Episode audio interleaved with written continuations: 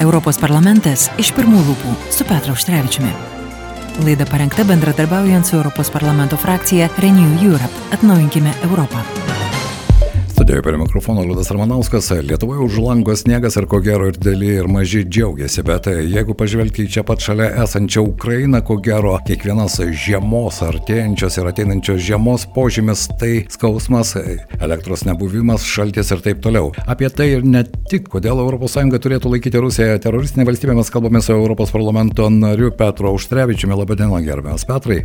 Gerą dieną visiems. Na iš ties, žiema prasidėjo, prasidėjo jį ir Ukrainoje. Deja, kalendorius tiesiog e, pasikviečia žiemą į mūsų šalis. E, šis regionas yra žinomas dėl e, skirtingų sezonų ir štai nuo lapkričio mes matome tikrai jau ir sniegutį e, už durų. O tai reiškia labai blogą žinią tiems, kurie dėje neturi sakykime, arba lėšų apsišildyti e, savo namus pakankamai, arba kaip Ukraina, jiems dirbtinai sukūriamos, na, sakyčiau taip, sunkios žiemos sąlygos, kadangi tik pagalvokime, e, ar tik 40 procentų visų energetikos e, e, pajėgumų gaminančių šilumą e, ar elektrą Ukrainoje yra arba sugriauta, arba dalinai neveikia e, dėl bombardavimų ir su, sugriovimų.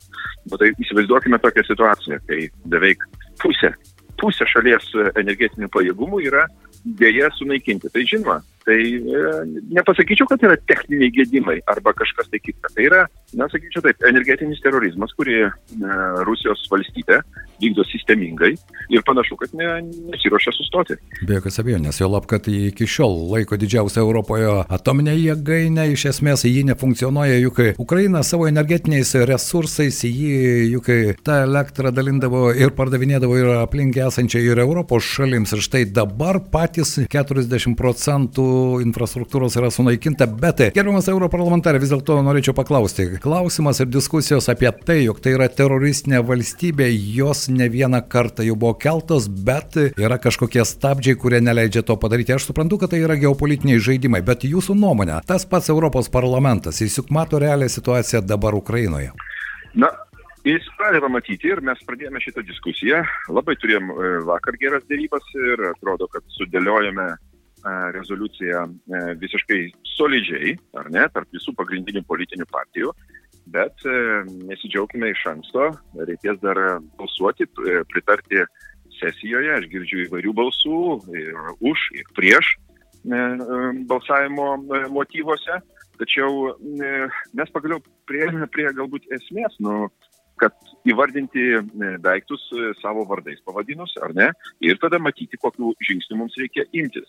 Na, kaip kitaip pavadinti Rusiją, Rusijos veiksmus, nes tiesą sakant, teroristinė valstybė tai yra viena, bet jinai naudoja terorizmą kaip įrankius. Ir tas terorizmas yra paplitęs, va, šnekėjom apie energetinį terorizmą, bet yra, e, tarkime, e, e, prieš civilius nuteik, e, nukreiptas, kada e, žmonės deportuojami jėga, ir tokių yra šimtai tūkstančių, e, jeigu ne, ne, ne pusantro milijono jau e, išvežtų į, į Rusiją dažnai per, prieš savo valią ir panašiai yra informacinis terorizmas e, ir taip toliau. Tai kitaip tariant, ši valstybė, Rusija naudoja necivilizuotus e, karo metodus, jie nesprendžia, e, reiškia, šito karo likimo fronte, jie, jie sprendžia civilių visos valstybės gyvenimo pabloginimo sąskaitą. Todėl nežinau, ko čia labai jau trūktų mums. E, Kokiu dar įrodymų reikia, ar ne? Ar kažkokios informacijos, kad Taip. padarytumėm šitą išvadą.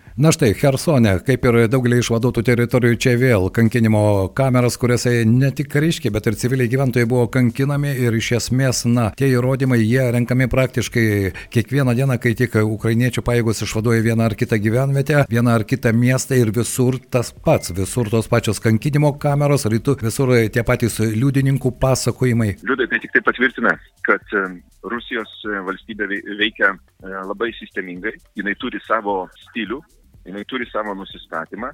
Ir nepaisant mūsų visų reakcijų, nepaisant mūsų visų kritikų, e, pagazdų, priimtų sankcijų ir panašiai, jinai užsispyrusi tęsia tai, ką jinai pradėjo, tai reiškia, kad jinai iš tikrųjų ruošiasi toliau nusaikiai, nu, nusekliai, atsiprašau, naikinti Ukrainos valstybingumą ir uh, ukrainiečių tautą, jei parašytas skirties nuosprendis, nu tai matant tokį dalyką vykstant, kada Rusija bando apsimesti dar uh, esantį E, pilna teisė e, jungtinių tautų nare ir saugumo tarybos nare. Nu, čia, aš nežinau, čia šitie dalykai yra nes, ne, nesuderinami tarpusavėje. Ir mums reikėtų kažkaip tai apsispręsti, nes stabdyti, stabdyti tai, kas vyksta šiuo metu Ukrainoje, reikia jau papildomam priemonėm e, ir turimos priemonės mums to neleidžia padaryti. Jūsų nuomonė, štai ir Malazijos lėktuvo istorija, kuri, na, čia negalutinis teismo sprendimas, bet sprendimas jau yra priimtas čia prieš pat keletą dienų. Jūsų nuomonė tai irgi kažkiek keičia požiūrį ir galbūt tie baimės lenkščiai, kalbant apie Rusiją paskelbimų teroristinę valstybę, darosi kiek žemesni? Na, šitas sprendimas tikrai užtruko 8 metai, buvo ir kritikos, kad taip e, ilgai, bet nežinom kodėl. E, teisė besirimenčios valstybės turi viską padaryti iki pabaigos ir ne tik palikti kaltinamiesiams e, galimybę E, e, pasakyti savo nuomonę ir bandyti dar e, vienai par kitaip pateikti argumentus. Bet sprendimas iš tikrųjų labai rimtas. Jis veda, matote, prie ko. Štai šitie trys individai, kurie yra nuteisti iki gyvos galvos, tai yra aukšto rango karininkai, kurie panaudojo, na sakykime taip, toliašaudžias raketas kaip bukas, ar ne, kurių nenusipirksi turgui. Taip. Reiškia, buvo susitarimai e, su e, kariniais e, Rusijos daliniais, jie suteikė visą tą techniką, jie viską garantavo, nusitaikymą ir panašiai. O dabar, kaip aš girdžiu, kad teismas tęs toliau aiškinimusis ir darys tyrimus, o kasgi buvo tie, kurie tą viską garantavo, kurie pateikė ir panašiai šie dalyvavo tiesiogiai. O kas tie, kurie užtikrino, kad ši raketa atsirastų vietoje, nustatytų laiku, būtų e, aprūpinta visko, ko reikia, kad nužudytų žmonės nekaltus ir taip toliau. Tai man atrodo, čia yra labai geras ženklas, kad e, tas aiškinimas įsives toliau, o prie ko jis prives, tai mes žinome, kas yra užsakytojai ir kur jie sėdi. Tai yra Maskvos miestas Kremlius. Be jokios abejonės, bet Kremliui kalbant apie ES sankcijų paketus, aštuoni sankcijų paketai jau ruošiamas devintas, nors dabar apie devintą kalbama dar gana atsargiai, bet kaip mes matome, pačios sankcijos, žinoma, jos negali labai greitai pakeisti situaciją, bet jūsų nuomonė, ar vis dėlto devintasis paketas, jis jau diskusijų objektas, ar vis dar kažko laukiama? Jis yra aptarinėjimas ir ruošiamas labai kruopšiai, galbūt per ilgai, netgi aš pasakyčiau. E, jame bus e, vėlgi ir individualios sankcijos, ir e, atitinkamiems subjektams, verslo subjektams, kas yra svarbu. Aš labai tikiuosi, kad jame yra ir daugiau pavardžių iš Baltarusijos, kuri tiesiogiai, galima sakyti, beveik dalyvauja agresijoje prieš, prieš Ukrainą. Bet tam ruošiamasi ir tam ruošiamasi rimtai, kadangi bus, e, kaip aš suprantu, e, įtraukti asmenys atsakingi už e, nusikaltimus žmogiškumui, todėl čia ypatingai daroma kruopšti atranka. Bet ar to užteks ir devinto paketo, aš, aš labai dėjoju.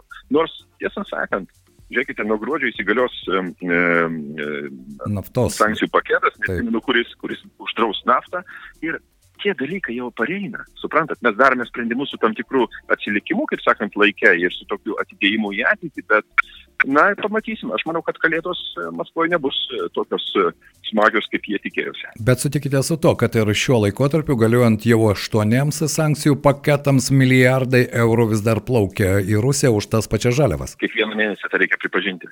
Štai, spalio mėnesį virš 20 milijardų sumokėta už rusišką naftą. Nu, tai kur tie milijardai nueis, tai ar, ar mums tenka dėjoti. Šiuo metu pagrindinis tai prioritetas yra tenai. Ir norim ar nenorim, bet e, kiekvienas e, ekonominis kontraktas, kiekvienas sandoris, dėja, e, reikia pripažinti, stiprina arba palieka galimybę Rusijai dar išlikti, kaip sakyti, vandens paviršiai.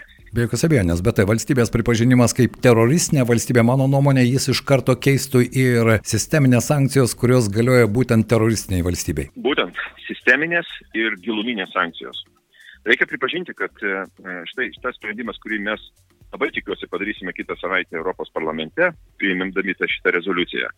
E, jis yra tik pirmas žingsnis, nes reikia priimti visą teisinį e, reglamentavimą, kaip apibūdinama, kokios priemonės gali būti naudojamos, kada ir kokiam sąlygom ir panašiai. Čia dar, čia dar užtruks, bet politinis signalas, signalas yra, žinot, kartais daug svarbiau negu tos formuluotės. Taip, taip, taip ir reaguos ir politikai, ir verslas.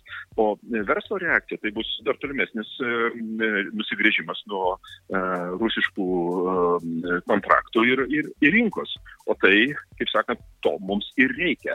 Ta valstybę reikia silpninti ir silpninti tom priemonėm, kokiam mes galim padaryti. Be jokios abejonės, ar tai būtų konkreti pagalba taip pačiai kovojančiai Ukrainos tautai, jo lab, kad, na, šiais metais, ko gero, visi apdovanojimai, kuriuos galima tik įsivaizduoti, nuo Sakharovo premijos iki atskirų valstybių laisvės medalių, laisvės premijų, jos visos keliauja į Ukrainą, bet tai mažai guodžia jų pačius. Žinoma, malonu, bet ko gero ukrainiečiai laukia labai konkrečių veiksmų. Taip, žinoma, tas solidarumas ir parama, žmogiška parama, politinė parama yra neįtikėtinai svarbus dalykas ir nereikia mažinti to, e, to reikalo svarbos.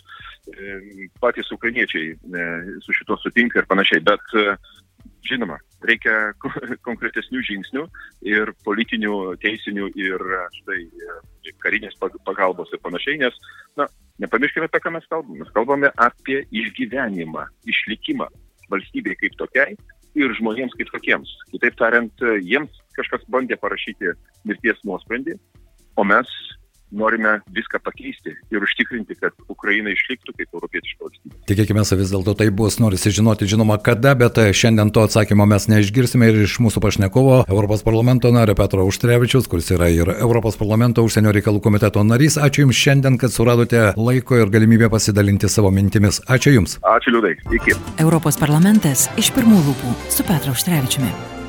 Laida parengta bendradarbiaujant su Europos parlamento frakcija Renew Europe. Atnaujinkime Europą.